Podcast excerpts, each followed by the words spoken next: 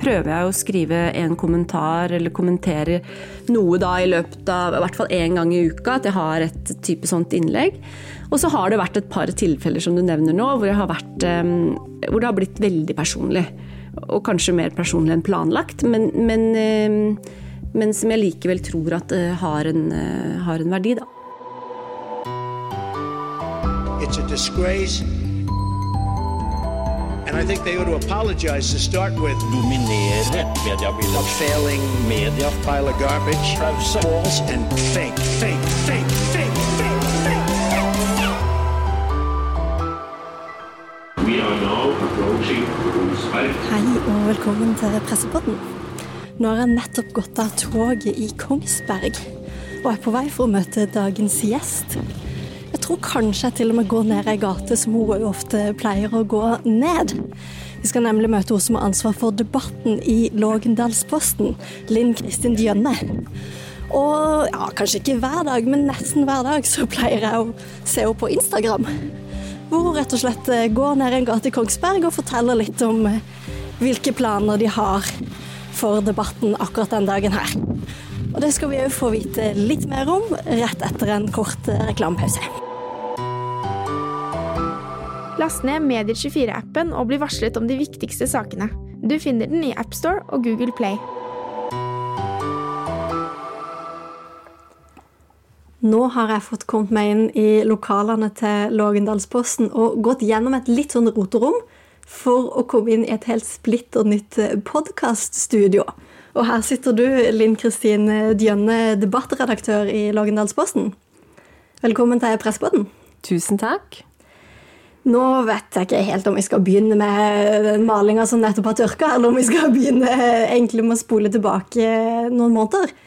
For du har vært nyhetsredaktør i Lågendalsposten i syv år. Eh, og rett før sommeren i fjor eh, så lyste dere ut en stilling som debattredaktør. Hvorfor var det akkurat du som ville ha den jobben der? Nei, jeg kjente jo når vi lyste ut den stillingen, så var jo um, ikke min opprinnelige plan å søke på den. Um, men så begynte jeg jo å tenke veldig mye på hva denne debattredaktøren burde gjøre. Um, hvordan den debattredaktøren burde jobbe, osv. Og, så og da skjønte jeg at uh, det kan jo hende at det er egentlig jeg som burde ha den stillingen. For jeg hadde veldig mange ideer og tanker og planer om åssen jeg hadde lyst til å utvikle debatten i Lågendalsposten. Da var det bedre å bare få gjort det sjøl? Ja, det var litt sånn. Egentlig. Men det var, jo, det var, jo, flere Altså, det var jo en utløst stilling. Du måtte jo søke? Absolutt, da. Jeg var en utløst stilling, så ja, jeg søkte på den. Mm. Og den fikk du. Mm. Og nå jobber du som debattredaktør her. Eh, altså, hvordan foregår eh, debatt i lokalavisen Lågendalsposten? Altså, tidligere, før vi valgte å satse på det, så um, var egentlig debatten hos oss litt sånn venstrehåndsarbeid. Altså, vi fikk jo selvfølgelig leserinnlegg som vi godkjente hver dag, men det var ingen som aktivt jobba med debatten. Eh, og det var jo det vi hadde lyst til å gjøre noe med. Vi, vi, mener jo virkelig at debatten er en viktig del av samfunnsoppdraget vårt i et lokalsamfunn. Så vi hadde lyst til å videreutvikle den. Um, og uh, i forbindelse med det så har vi gjort veldig mange forskjellige ting. Vi har jo bl.a. Uh, rydda litt opp på nettsida vår. Enkle grep som det. Fått, fått, litt finere design og hatt nye innganger fra front. Sånne type ting. Men i tillegg så er det jo det at eh, jeg nå eh, aktivt jobber med debatten, og det innebærer jo bl.a. at eh, vi har skaffa en del av disse spaltistene, da, som ja, mm, vi har fått med oss, da. Ja, spaltister, hvem er disse, og åssen har du fått tak i dem? Nei, det begynte vel egentlig med at uh, jeg har jo noen overordna mål, og noe av det er jo selvfølgelig, som resten av mediebransjen, å få flere yngre stemmer inn i avisa og i debatten. Så um, det jeg konkret har gjort, er jo å invitere um, forskjellige unge stemmer til å skrive for oss. Um, og det har de jo da gjort. Vi har vel hatt eh, ti-elleve forskjellige spaltister siden i sommer. Uh, så har de levert da et innlegg ukentlig. Og så Um, over forskjellige altså Noen leverer fire um, innlegg, og noen leverer åtte, og noen leverer flere. Litt avhengig av hvor mye de har lyst til å skrive. Da. Men da er det jo jeg som aktivt tar, kontakt med de spaltistene. Og jeg tror de aller fleste av de har jeg jo da tatt kontakt med via Instagram. Da. Og gjennom sosiale medier. Så det er folk som, eh, som, eh, bor i Kongsberg, som har et forhold til Kongsberg, og som eh, har meninger om byen vår. Og også da selvfølgelig om noen fra Numedal også. Så det, det har vært veldig spennende. Altså. Det er en av de tingene som vi har gjort. da. Vi vil gjerne snakke enda mer om hvordan du bruker Instagram litt etter hvert. Mm. Men for å hoppe litt tilbake, du sier dere har liksom konkrete mål mm. med LP-debatten, som dere kaller det. Mm. Hva slags type mål er det? Altså Den eh, overordna strategien vår da, det er jo selvfølgelig eh, å få flere abonnenter mellom 25 og 40. Eh, og i tillegg eh, så er jo det å være den plassen som eh, Altså at LP-debatten skal være det stedet hvor lokaldebatten skal foregå i Kongsberg. Så det er for min stilling så er det de to punktene måte, som jeg konkret jobber etter. Og så har jo jeg satt meg forskjellige mål basert på den strategien vi har. Og noe av det er jo bl.a. å få flere yngre stemmer inn, selvfølgelig, i debatten. Ehm, jeg hadde lyst til å utvide debattbegrepet litt. Eh, til at det skal handle om litt mer enn hva det har gjort. Og så er det jo å produsere flere, ehm, flere kommentarer. Eh, og knytte journalistikken og debatten bedre sammen og ha fysiske debatter. Flere fysiske debatter. Du sier det skal handle om litt mer enn det det har gjort før. Og så du nærmer fysiske debatter. Hva er det LP-debatten skal bestå av? Sånn som når jeg sier utvide debatten, så dette her er jo på en måte også en eh, reise som jeg lærer mens vi går, da, siden det har vært, eh, vi har, har satsa på dette her noen måneder nå. Men Spaltistene skriver jo ikke utelukkende debattinnlegg som skaper, um, skaper mye debatt knytta til helt konkrete saker. Vi har også spaltister som har skrevet mer humoristiske innlegg, f.eks. Men det kan jo skape debatt og engasjement på, eh, på sin måte. Men, men eh, noen skriver om byutvikling og fasadeutviklingen i sentrum, f.eks., eller kommunebudsjettet. Noen skriver om eh, eh, hvor mye uflaks de hadde på turen de skulle gå. Altså sånn, som et humoristisk innlegg. Så når jeg sier utvide debattbegrepet, så er det fordi jeg hadde lyst til at debatten skulle være litt mer enn bare den eh, tradisjonelle debatten som det hadde vært. da. Ja, det gjør mening det for, for mange, tror jeg. At det ikke bare trenger å være de der superkritiske bystyrepolitikerne som mener et eller annet om, om byen sin. da. Men eh, et, en ting som jeg har lagt veldig merke til i det arbeidet du har gjort, eh, har vært at du tidvis har vært ganske personlig. Altså, Du skriver jo innimellom sjøl. Mm. Åssen er det å også være en, en synlig stemme i, i, i LP-debatten? Um, det har jo også som sagt vært en av de målene som vi har hatt. Som er at vi skulle være, skrive mer egenprodusert um, ledere og kommentarer. Både meg, men også de andre på huset. Det har vært et veldig sånn uttalt mål for alle sammen, egentlig. Um, så er det klart at um, for min del så uh, prøver jeg å skrive en kommentar, eller kommentere noe da i løpet av i hvert fall én gang i uka. At jeg har et type sånt innlegg. Og så har det vært et par tilfeller som du nevner nå, hvor, vært, um, hvor det har blitt veldig personlig. Og kanskje mer personlig enn planlagt. men, men men som jeg likevel tror at uh, har, en, uh, har, en, verdi, da. Hvis jeg får lov å nevne veldig spesifikt en av de, så var det jo rett og slett et, et minneord som du skrev eh, om din egen far. Mm. Nå kjenner jeg begge to blir litt sånn blanke i øynene her. Ja. Um, ja, det var jo egentlig bare eller kort tid etter at jeg hadde starta som, um, som debattredaktør, så, så um, ja, I august 2022 så døde pappa i en sykkelulykke i et eh, ganske kjent område her oppe i Kongsberg. Eh, og det var jo en, eh, en sak som Lågendalsposten også dekka. Um, journalistisk, selvfølgelig. Uh, og så i ettertid da, eller de dagene etter da, så fikk jo jeg um, et behov for å skrive et minneord. For det var jo spesielt å se um, og plutselig sitte på den andre sida, hvor du så um, Plutselig så var pappaen min bare mann 69, døde i en sykkelulykke. Um, så jeg fikk et behov for å skrive et minneord som jeg selvfølgelig skrev som datter og ikke som debattredaktør. Men jeg skrev et, et minneord om han, og så sendte jeg det til Jørn og sa som det var. Jeg har skrevet et minneord. Du får ta en redaksjonell vurdering på om det publiseres eller ikke. Så tok han den vurderinga. Men det ble jo da publisert, og ja. ja. Det fikk jeg selvfølgelig veldig mye mye tilbakemeldinger på, da. Men det var jo absolutt den mest personlige teksten jeg mest sannsynlig noen gang kommer til å skrive. Hva var det som gjorde at du, at du ville dele det minneordet også med liksom Lågendalspostens lesere? Nei, det, For meg så var det selvfølgelig um, Altså, når jeg skrev det, så var jeg jo uh, Da var jeg jo i en sjokktilstand. Sant? Så det, det det er jo på en måte en sorgprosess i å skrive det også. Uh, og jeg skrev det nok først og fremst uh, kanskje for meg selv, uten å vite om dette skulle bli publisert eller ikke. Og det var egentlig Akkurat når jeg skrev det, så var ikke nødvendigvis det så veldig viktig heller. Men så er det klart at uh, um, det var en sak som ble journalistisk dekka. Um, det var en sak som var altså Sykkelmiljøet i Kongsberg er ganske stort. Det var en ganske dramatisk ulykke. Det var en, veldig mange som prata om denne ulykka, og det er klart at Um, pappa var også mange som visste hvem han var i, i lokalsamfunnet.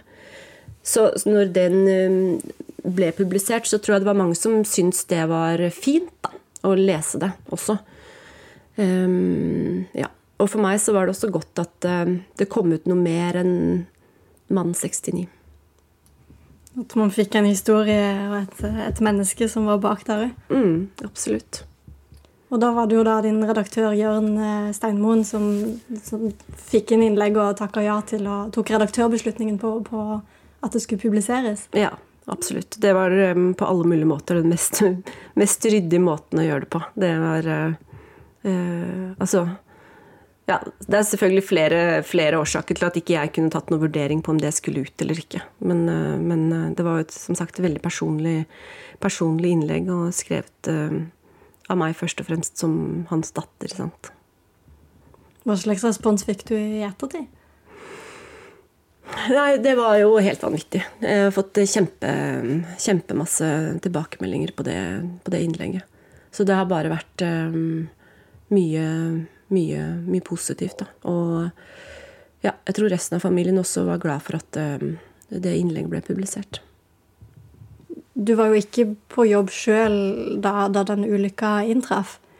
Men åssen var prosessen videre der i forhold til din rolle på en måte i avisen og erfaringer derfra, kontra det å plutselig være pårørende i en sånn type sak? Um, nei, altså i forhold til um, jeg fortalte jo selvfølgelig resten av familien at um, vi kom til å få et spørsmål fra politiet i løpet av sikkert ikke så lang tid um, på om navnet kunne publiseres eller ikke. Og det var jo vi helt åpne om at det kunne politiet få. Uh, og gi videre til, um, til pressen eller Lågendalsposten. og så hadde eh, politiet ringt til eh, min mamma. Og hun hadde selvfølgelig da sagt at eh, ja, navnet det er ok at publiseres. Um, og så nevnte hun det for meg. Og da kjente jo jeg på Ja, men når, når skal det ut? Um, jeg var jo selvfølgelig da ikke på jobb nå. Og da fikk jeg plutselig et enormt sånn kontrollbehov for å vite når skulle dette navnet publiseres.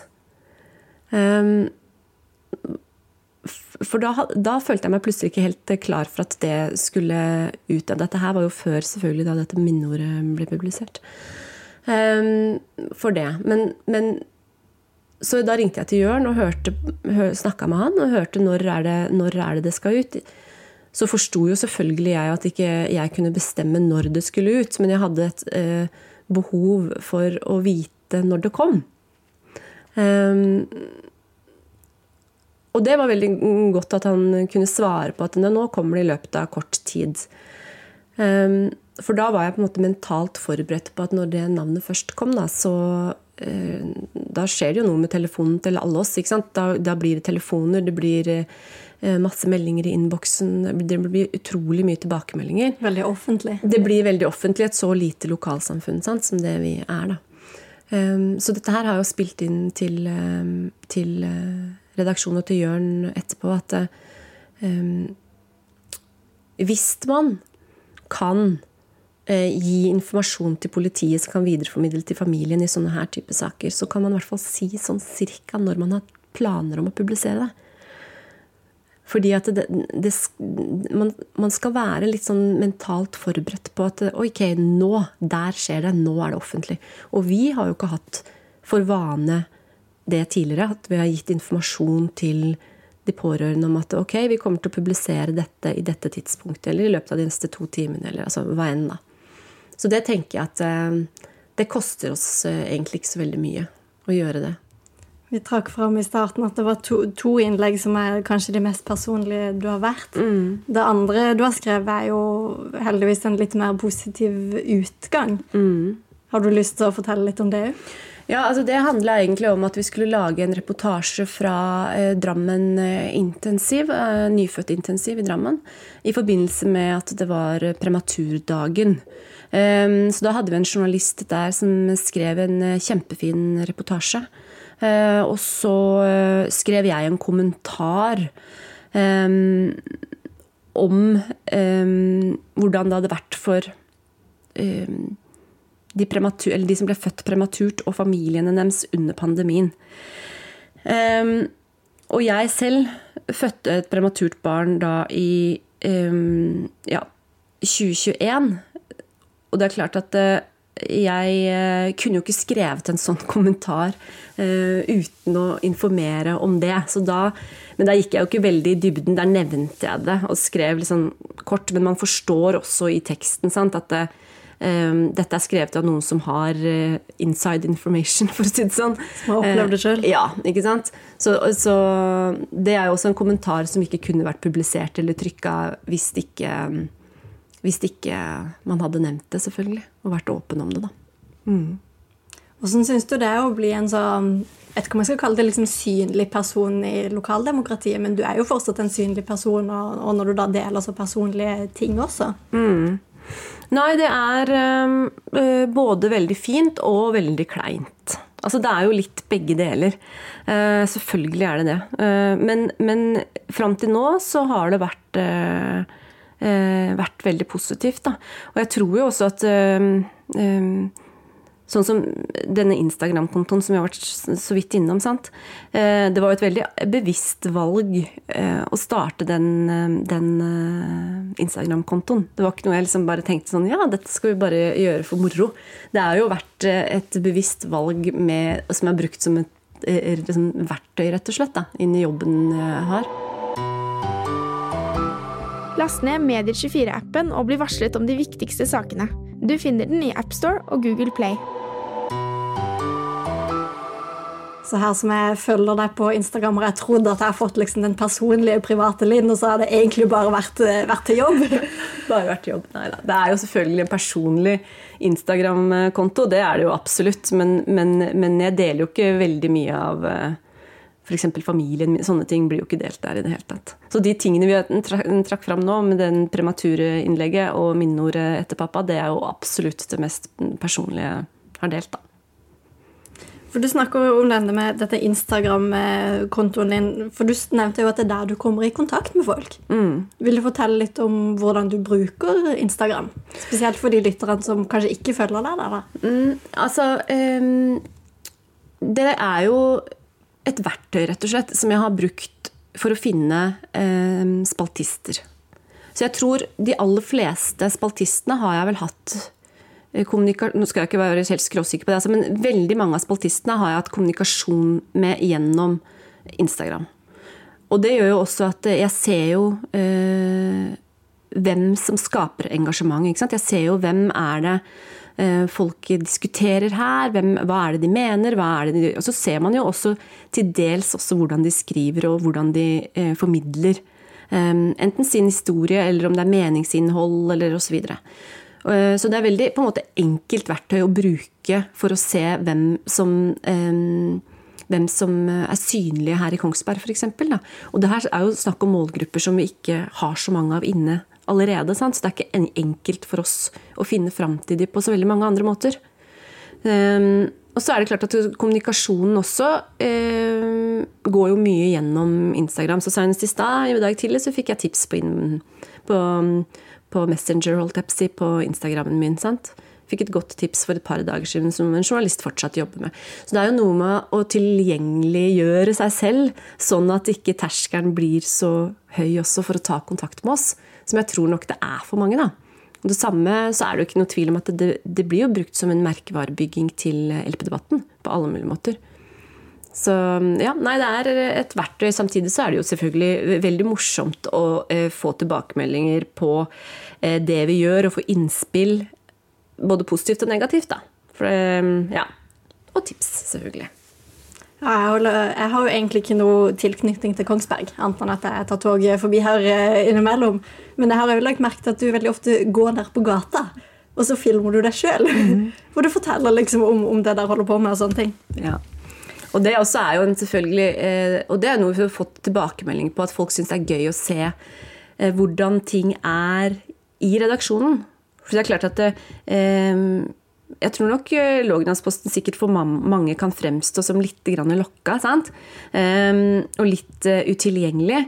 Litt den der gamle lokalavisa ja, som holder sånn. til nede i Bø. Ja, ikke sant. Så det er bare det at um, vi tilgjengeliggjør og liksom viser litt humor fra kantina, litt humor liksom internt. Og, altså at vi tør å by litt på oss sjøl, tør å tulle litt. Tør å ikke være så utrolig liksom, seriøse i absolutt alt, da, men også vise at det, Hei, det her er faktisk et ganske kult sted å jobbe også. Um, så har jeg fått mye tilbakemelding på at det er gøy å se da, hvordan, hvordan vi jobber og ja. Uh, så jeg spiller vel inn en sånn liten snutt hva vi skal gjøre, hva som skjer den dagen, og hvem som kommer med hvilke saker som snart skal publiseres, og hva de skal handle om, og hvilke debatter er det som går, og hvilke saker er det som har blitt mest lest det siste døgnet, sånne type ting. Spiller vel inn en sånn snutt hver dag når jeg går til jobben, da. Mm. Og Du sier jo at det er ofte her man får mye innspill og får mye altså Det er her du på en måte har interaksjon med mange av de som i hvert fall skriver hos dere. da. Mm. Jeg tenkte jeg hadde lyst til å snakke litt med dem eh, om kommentarfelt. Mm. Og litt hvor avhengig tror du egentlig norske medier er av sosiale medier? Mm. Altså, jeg mm, kan jo prate for Lågnadsposten sin del. Mm. Vi har jo eh,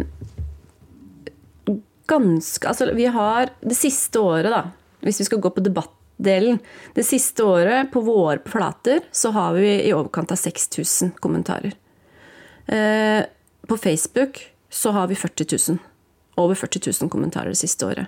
Så bare der så ser du jo på en måte hvor det kommenteres mest. Og så kan man jo selvfølgelig gå inn og diskutere kvaliteten på disse kommentarene. Og når jeg sier over 40 000, så er det alt fra et hjerte til en. ikke sant? Det er liksom alle typer kommentarer. Men sånn som det er nå, så øh, har jo ikke vi muligheten til å ikke være på sosiale medier. Det er ikke et alternativ for oss. Så i et langtidsperspektiv, og øh, på en måte drømmen vår, ville jo vært at alle disse kommentarene og alt dette, dette engasjementet var på vår egen side. Det hadde jo vært liksom fantastisk. Men per nå så er det en uh, utopi. Um, og så er det heller ingenting å stikke under en stol at uh, Facebook er enda en viktig salgskanal for oss. Um, og vi får um, en del av abonnementssalget vårt derfra. I tillegg til at vi møter nye målgrupper. Og vi bruker jo uh, sosiale medier mye i forhold til å finne saker og stoff og caser, ikke minst. Da. Så for oss er det helt, uh, helt uaktuelt å ikke være på sosiale medier. Så når vi leste at, vi, eh, at, NRK skal forlate Facebook, så vil vi ikke se det på Lågendalsposten eh, med det første? Nei, der er vi ikke. Det er vi ikke, altså. Og så um, jeg tror det er også viktig å huske på at eh, som lokalavis så eh, er kanskje kommentarfelten også litt annerledes. Fordi at eh, inne på Facebook-siden vår så er det mest Kongsberg-folk eller folk fra området som kommenterer. Og dette er mennesker som møter hverandre på Kiwi i morgen. Så man har en, ofte en annen relasjon. Eh, og vi Jeg kan jo ikke si at Vi har selvfølgelig hatt noen kommentarfelt som vi er nødt til å stenge. Um, men, men jeg syns ikke kommentarfeltet på Facebook-siden vår er veldig stygt, da. Folk oppfører, seg? Ja, hoved, altså, ja. Generelt så oppfører de seg, så skal jeg ikke si det på alt, altså. Men, men ja. For oss så er kommentarfeltet på Facebook også verdifullt, ikke bare det å være på Facebook. Og så handler det jo sikkert litt om mengden òg. Jeg har jo sjøl jobba i NRK, i NRK, og da husker jeg eh, på den ene jobben jeg hadde der, så var det en vakt som Min jobb var å lese kommentarfelt. Ja. Og, var, og, så lagde man noen SoMe-videoer og sånn i tillegg, men mm. hovedjobben var liksom å gå gjennom. Og det er klart at vi har jo eh, vi har 14 redaksjonelle årsverk, inkludert eh, redaktører. Så det er klart at vi må på en måte bruke ressursene våre veldig smart. Da. Så det, eh, vi legger ikke ut en eh, Facebook-post på fredags ettermiddagen som vi vet at kommer til å skape mye debatt. Fordi da er det en kveldsvakt som sitter alene og skal moderere det. Så vi må på en måte være smarte på publiseringene, vi må være synlige og vi må være aktive. Og for å få til det, så må vi, da må vi bruke ressursene veldig, veldig riktig. Da. Så vi har ganske tydelige sånn, interne regler på når vi skal publisere. Um, eller når vi skal ikke gi folk muligheten til å kommentere. Og hvilken type saker vi ikke skal legge ut. Sånn som blålys, eh, altså saker hvor det er snakk om uh, anonyme kilder og sånn, det havner jo ikke på Facebook. Sant? Så det er ja, litt sånn forskjellige interne regler som gjør at vi prøver å ha en viss kontroll på det. Bevisst eh, strategi. Ja. Jeg tenkte jeg ville snakke litt sånn videre fremover. For jeg begynte ja. jo hele denne podkasten med å si at vi står i et rom hvor eh, malinga så vidt har tørka. Ja. Du har rett og slett bygd et eh, podkaststudio. Ja. Åssen er det du skal, skal bruke det? Um, nei, uh, som sagt, vi har jo uh, uh, ikke hatt podkast noen gang før. Vi har hatt utstyr stående i en sånn brun pappeske som jeg tror har stått der i tre år eller noe. Um, mens nå så tenkte vi nå, det, nå, må vi prøve å, nå må vi prøve å satse litt på det. Så det er på en måte podkast er liksom noe jeg Vi har eh, en halv ressurs på det, og det er meg. Nei, vi har 20% ressurs, og det er meg. Ja, så det er egentlig et sånt lite prosjekt jeg driver med litt på sida av LP-debatten. Eh, men jeg skal starte en podkast nå hvor, som blir en sånn pratepodkast som handler egentlig om ehm, å ta ut noen av de historiene som vi allerede har delt. Vi har jo helt fantastisk mange historier opp gjennom året. Så um, vi skal intervjue noen av de gjestene som har vært, uh, hatt hovedrollen i de historiene, og så, og så lage en podkast ut av det, da. Så får vi se om vi får se en lansering av det før påske. Vi får håpe på. Ja, nå noterer vi oss det. Lansering før påske. det, ja. Det er bra med litt press. Det kommer etter hvert, i hvert fall. Det kommer etter hvert. I, år så er det jo, det er jo lokalvalg. Det er jo valgår. Mm. Mm. Hva slags eh, planer har dere i LP-debatten for, eh, for lokalvalget? Nå ser du jubler inni det. Jeg elsker jo lokalvalg. Eh, det her er jo det mest spennende året vi går inn i. sant? Nei, vi har egentlig kickstarta litt allerede nå i dag, syns jeg. Fordi at jeg har tatt kontakt med alle gruppelederne i de forskjellige partiene i Kongsberg og spurt kan dere finne noen liksom, nye stemmer, unge stemmer, på listen deres som kan skrive innlegg for oss konseptet med de faste spaltistene har jo vært at de skal være politisk uavhengige. Sant? Og de, liksom, de, har vært opptatt av at de skal ha en uavhengighet i forhold til spesielt partiene. Da. Mens nå så skal vi rydde plass. Nå skal vi rydde plass til de unge stemmene. Så nå har hvert eneste parti valgt seg ut en representant som skal skrive fire innlegg hver for oss. Så nå begynte vi i dag med første innlegget. Og så skal vi publisere da to innlegg um, framover ja, til langt ut i mai. Så sånn kickstarter vi på en måte det året her med å få flere unge politiske representanter inn, da. Så er det jo liksom sant, viktig at uh, da er det jo dems ord. De får liksom uh, De får samme, uh, samme, prinsippene ligger til grunn for hvert parti. Altså, det er de tingene der da, som vi har liksom vært nøye med. Og, ja. Så der er det veldig klare kjøreregler. Her får du en slottid. Hvis ikke den er levert innen da, da mister du plassen din. Det blir litt sånn.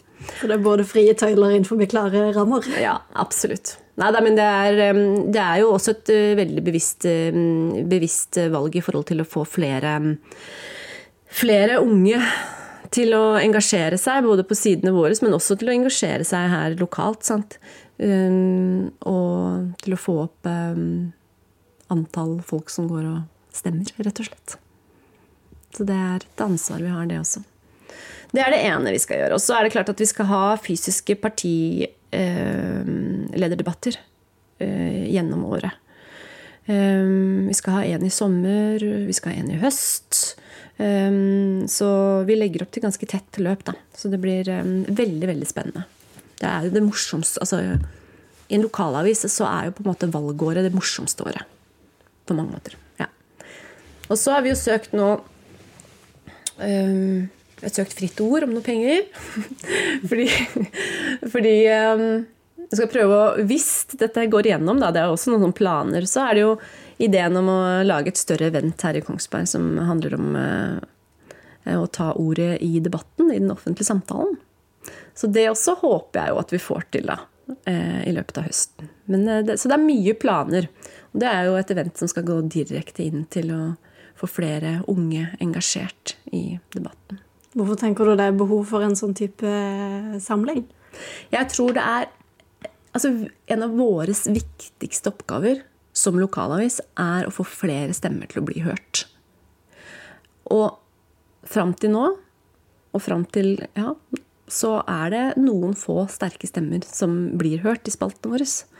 Så nå eh, må vi jobbe for å tilgjengeliggjøre debatten for flere Og gjøre sånn at lista ikke er så lang eller så høy, for å komme med innspill, skrive et leserinnlegg, legge igjen kommentarer. Og det er veldig viktig for lokaldemokratiet at vi får et mangfold inn av stemmer. Det brenner jeg skikkelig for.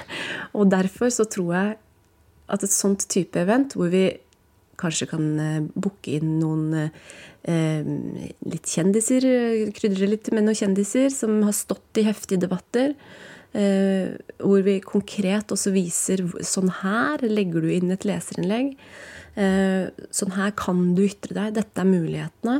Hvor flere foredragsholdere til å fortelle hvorfor er det viktig å stå i den offentlige debatten. Hvorfor er det viktig å debattere, å snakke sammen, diskutere for å skape utvikling i et lokalsamfunn så setter vi det på agendaen. Har et helt åpent event hvor alle kan komme. Ikke noe inngangspenger, ingenting. Og så inviterer vi alle under 50. Nei da, men vi inviterer alle. Men uh, veldig mange unge. Det um, håper jeg at vi får til. Da tror jeg vi rett og slett skal ønske deg lykke til med det, og håpe at vi blir invitert hvis det, hvis det skjer. Tusen takk for at du var gjest i Pressepodden, debattredaktør i Lågendalsposten, Linn Kristin Djønne. Takk skal du ha. Mitt navn er Kristine Sterud. Ansvarlig for denne podkasten er redaktør Cornelia Christiansen. Og Sebastian Marenrikes er teknisk ansvarlig. Vi snakkes igjen om ei uke.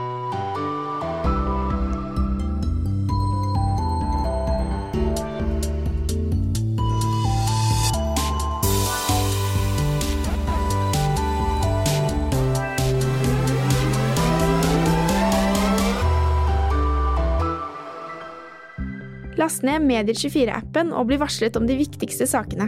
Du finner den i AppStore og Google Play.